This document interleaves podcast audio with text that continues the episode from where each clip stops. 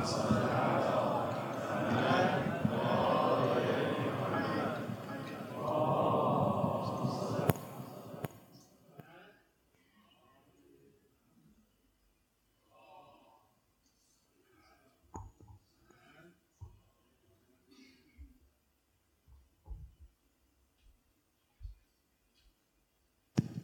بسم الله الرحمن الرحیم عظم الله لکم لش خدا اجرتون بده یکم اگر امکانش سه بیان جلوتر خدا خیرتون بده یه سلواتی خط کنید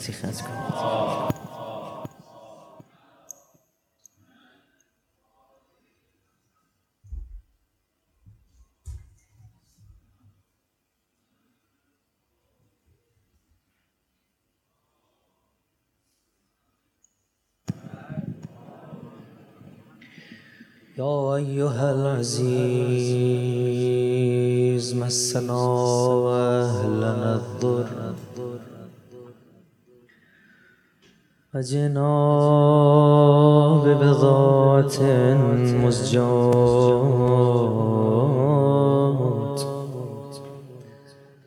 أوف لنا الكين وتصدق علينا. إن الله يجزي المتصدقين.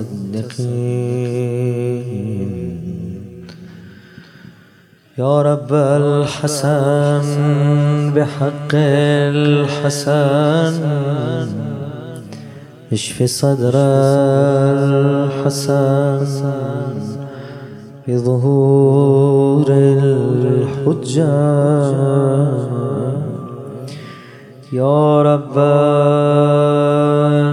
الحجة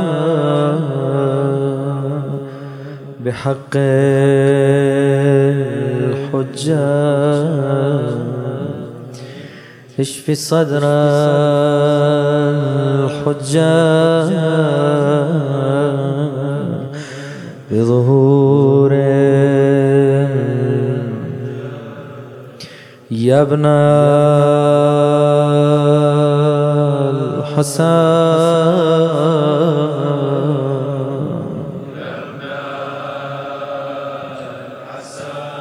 يا ابن الحسن.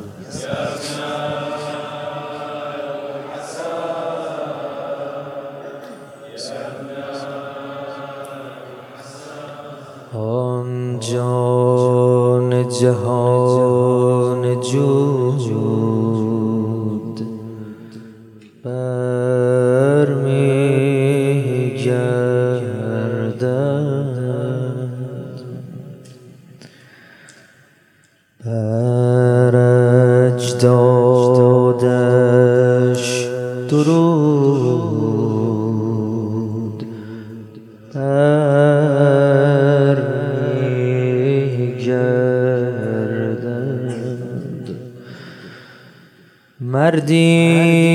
شنیده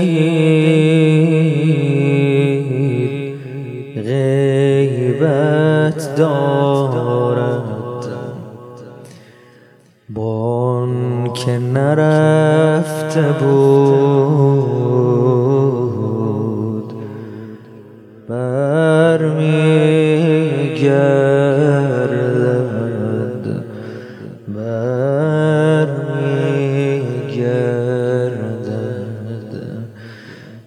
کریم اهل بیت.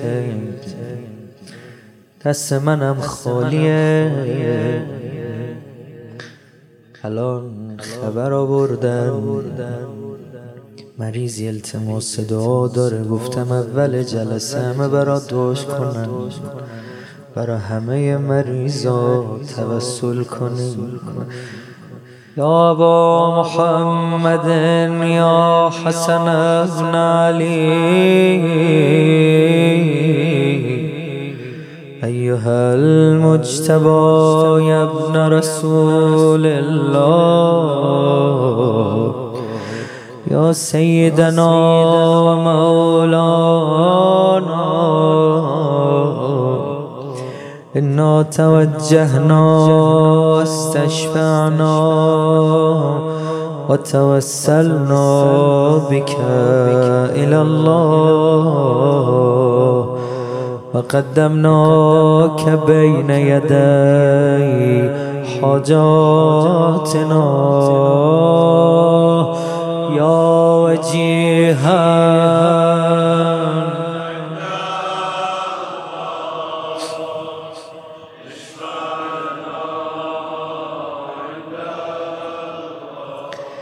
يا وجيها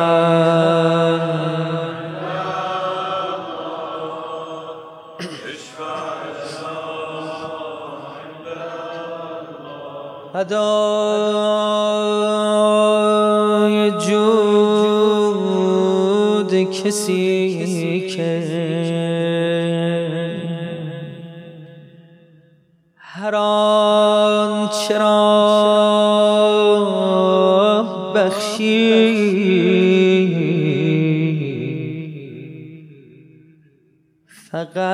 به خاطر خوشنودی خدا بخشید. پنج بیت یه غزل. با ردیف بخشید. ببین شعرها وقتی یه ردیف و تکراری دارن می‌کنن عقب هر یه بیتی. آخر هر یه مصرعی داره بخشید بخشید میاد. می‌خواد تو یه مستمع تفکری کنی. یه فکری بزنی. چی داره میگه؟ دل بده پنج بیته ولی قول میدم اینقدر باش گریه کنی. ادای جود کسی که هر آن چرا بخشید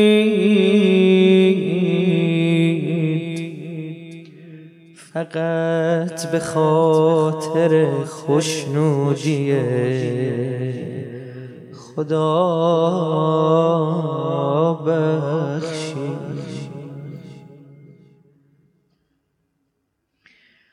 از اولش پدرش فکر ما گداها بود که سفره کرمش را به مجتبا بخشید.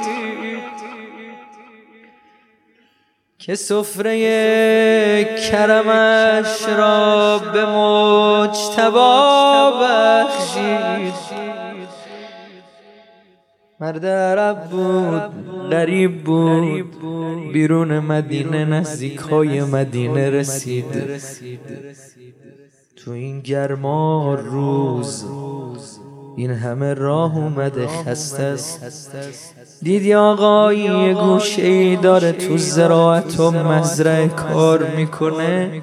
غریب مدینه جایی رو نداره کسی رو نمی‌شناسه. اومده پیغمبر خدا رو زیارت کنه.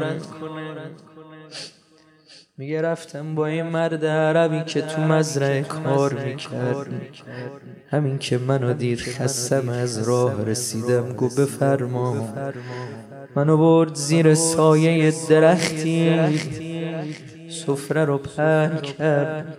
گفت ببخشید ما وسمون همینه. دیدم بخشه رو باز کرد. یه چند تکه نون خشک. منم تو رو در واسی گیر کردم خدا. چی بگم؟ می‌خواد کرمش نشون من بده.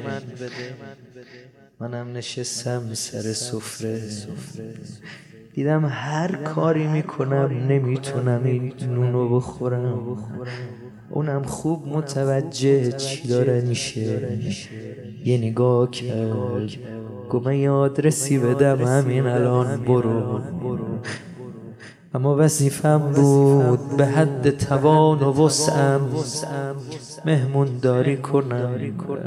من بزاعتم همینه اما یه جایی رو میفرستمت یاد رسیبت میدم. بری سفره رنگینه سفره پهنه. می‌تونی اونجا راحت بخوری استراحت کنی. میگه منم خدافزی کردم و رفتم مدینه. حالا نشونه به اون نشون. دیدم این قد شلوغ در این خونه. دیدم این آقا دم در خونش ایستاده خوش اومد میگه به مهموناش به منم خوش اومد گفت. فرما. خونه خونه شماست همین که وارد شدم اشاره کرد خادما برام سفره پهن کردن. نشستم دل سیر خوردم. حالا به خودم دارم فکر می‌کنم خدا این آقا کیست؟ چرا با من اینجوری رفتار می‌کنه؟ مگه منو می‌شناسه؟ مگه من کاری انجام دادم؟ هیچی بهم نگفت. داشتم می‌رفتم. اما یه جورایی خجالت زده. اینا اهل کرمن. اینا کریمن. اینا نرفته نگفته. می‌فهمن چه خبره.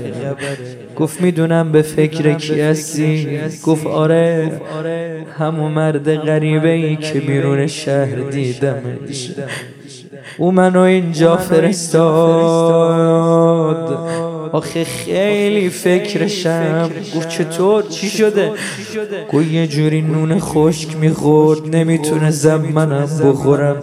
جازه میدی چند لقمه بردارم؟ بپرم براش. دیدم اشکای امام حسن سرازیر شد.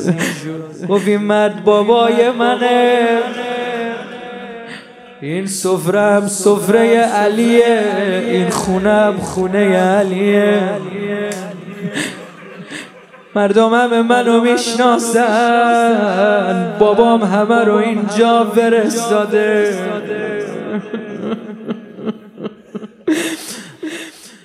یا علی یا علی یا علی یا علی علی. ذره شده برا نجفه. دلم یه ذره شده برا ایمونت برا حرمت. قربونت برم آقا آقا آقا. اومدم با خودم بگم حرم امام حسن. یه لحظه یادم اومد قربونش برم. نه حرمی نه گمبدی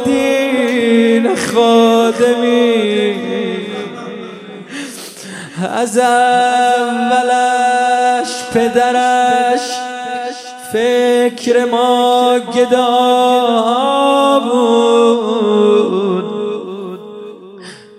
سفره کرمش را به مجتبا بخشید. خدا جان مولا یه حرف می‌زنم برا غریبی امام حسن همین یه بیت بسه.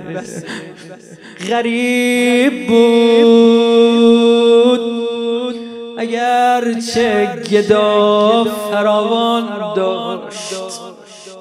کریم بود بدون سر و صدا بخشید. حالا که این یه بیتشم کریم کار ندارد به اسم و رسم کسی. غریب را چه بسا بیش از آشنا بخشید. مرد عرب شام اومده بود. نشونه می‌گرفت. حسن مجتبا کیه؟ خونش کجاست؟ آن نشونش دادن. دیدن امام حسن قربونش برم. دم در خونه نشسته. این مرد عرب تا فهمید امام حسن. از همون بالای مرکبش هر حرف بدی از دهن نحسش در اومد گفت. دید آقای مرتبه بلند شد یه لبخندی زد. ان کنت جایعا اشبعناک ان کنت غریبا آویناک خونه نداری به فرما خونه ما.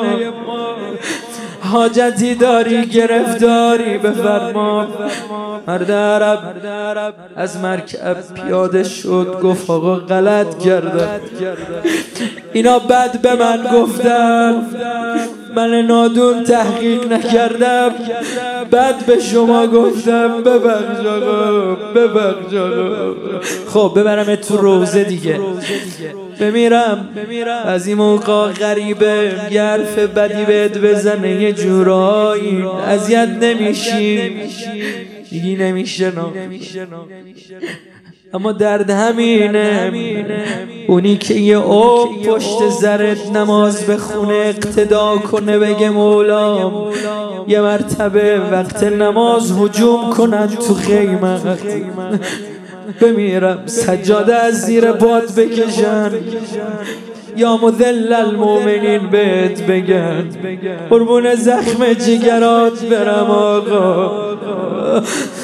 منم امشب گدای این خونم منم امشب گدام آقا گدام آقا من گدایی بلد نیستم ولی در خونت اومدم. تو کرمت یا امام حسن کریم کار ندارد به اسم و رسم کسی. غریبه را چه بسا بیش از آشنا؟ بخشید وقتم کم زود ببرم تو روزه. ملامتش نکنید. آن کرا مدینه نرفت. ملامتش نکنید. آن کرا مدینه نرفت.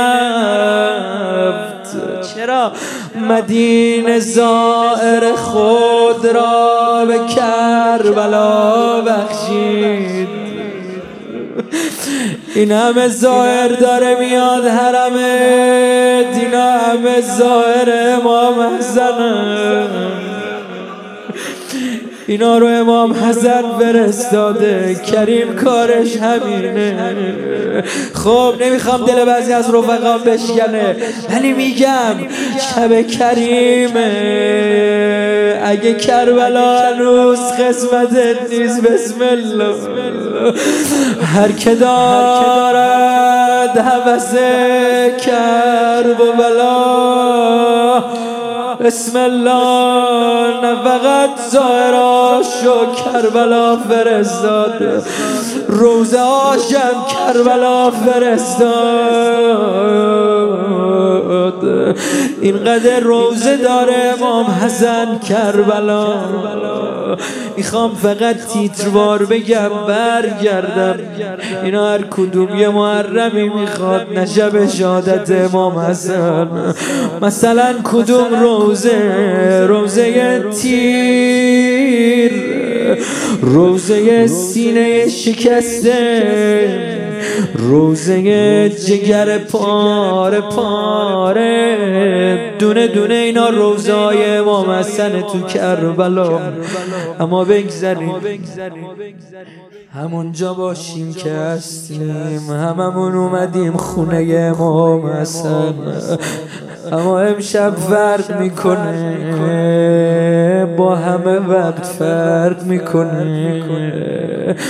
خدا کنه هنوز زینب نرسیده باشه. یکی از راویان از شیعیاست اینجوری روایت کرده جان مولا خوب دقت کن. همینجور که من نشستم تو تاریخ اومده. میگه وارد حجه شدم دیدم آقا رو دو کنده زانو نشسته. یه تشت رو به روشه خم شده داره پارای جگرش تو تشت میریزه میریزه. به من اجازه می‌دید جلوتر نرم تا اینجا. من ای تو ذهنم میاد وسط روزه میگم. آخه تو این خونه سه مرد و سراغ دارم. همینجور بلند بلند گریه کردن. دونه دونه شونو بگم برات. اولی امیر المومنین کجا نخل دونه کوفه؟ میگن تا نیمه بدن تو چاه می‌کرد. بلند بلند گریه می‌کرد. روزه فاطمه شو میخون کدام روزه بمونه؟ روزه دوم روزه کربلاست اونجا که آقای ما بلند صدا زد الان انکسر ظهری دیدن آقا خمیده خمیده راه میره. میگه منم وارد اجره امام حسن شدم به من اجازه دادن. قربون نگاه ملیغت یادت داشتم آقا رو صدا بزنم با تبسم جوابم بده. اینقدر نگران بودم سلام دادم. دیدم آقام سرشو بالا برد با همون نگاه ملی یه تبسم کرد. اما در پر از خونه تا نگاه افتاد به در پر از خون. صدا زدم آقا. جازه میدی همین الان بهترین طبیب مدینه رو بیارم؟ آقا نه فقط تو جگر ما هم داره پاره میشه. یه جمله فرمون دوباره آقا خم شد. انا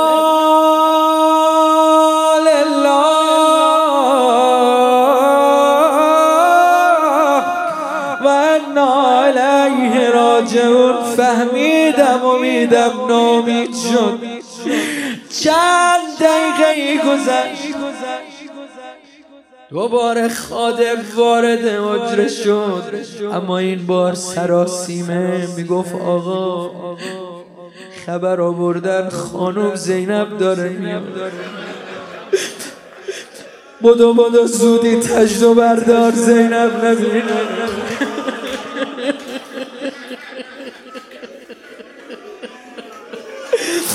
آقا تو طاقت نیاوردی زینب یه تشتی رو ببینه. سر حسین تو تش گذاشتن مقابل زینب. چوبشو بالا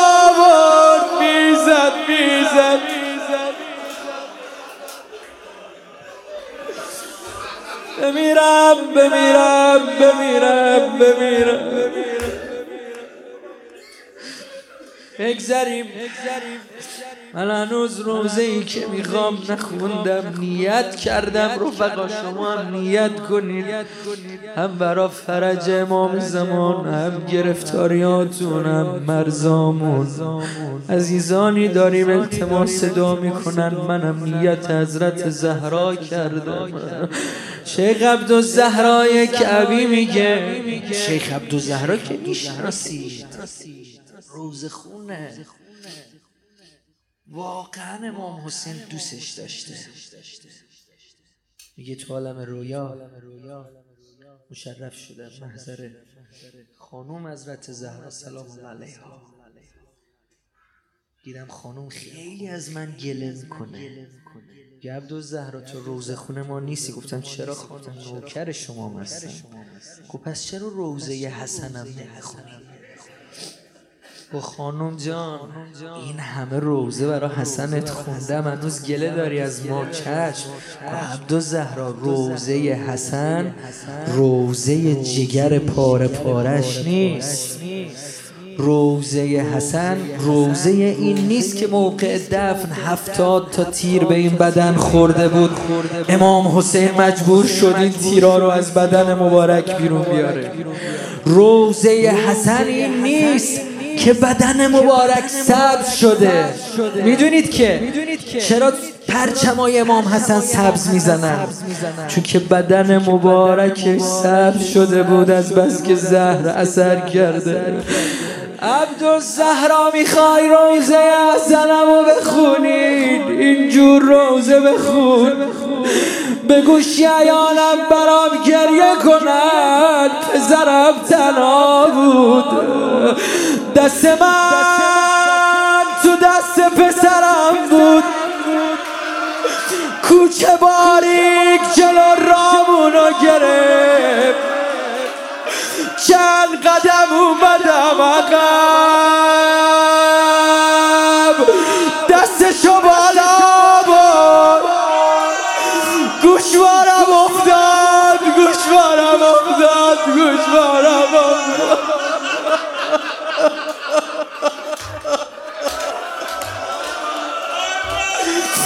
من ایستاده بودم. جان مولا برای گریه کن. تا حالا شده مادرت جلو چشمات زمین بخوره. تا حالا شده جلو چشمات مادرتو بزنن یا نه من ایستاده بودم. دیدم که مادرم را میگن تو کوچه زدن نه والا چند بار زدن. گاهی به کوچه می‌زد گاهی به خانه می‌زد. خب یه موقع است کسی ناموس تو تو کوچه بزنه یه موقع تو خونت جلو چشمات بزنن و صفق تو صفقه. یعنی یه جور سیلی زدم علی بشنوه.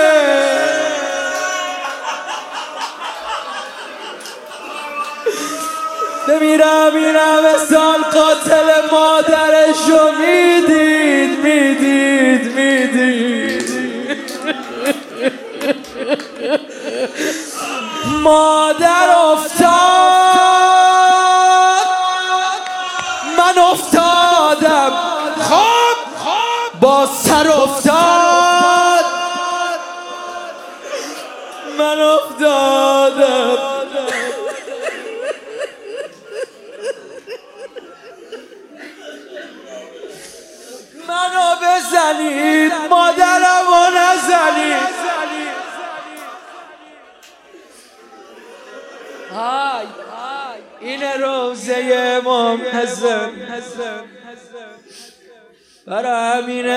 حسن مرد. برای همین روز امام حسن جگرش پاره پاره شد.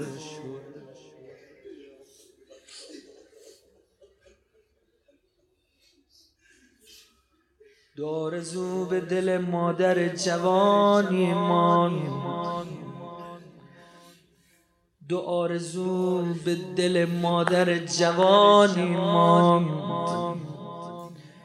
کفن برای حسین و حرم برای حسن.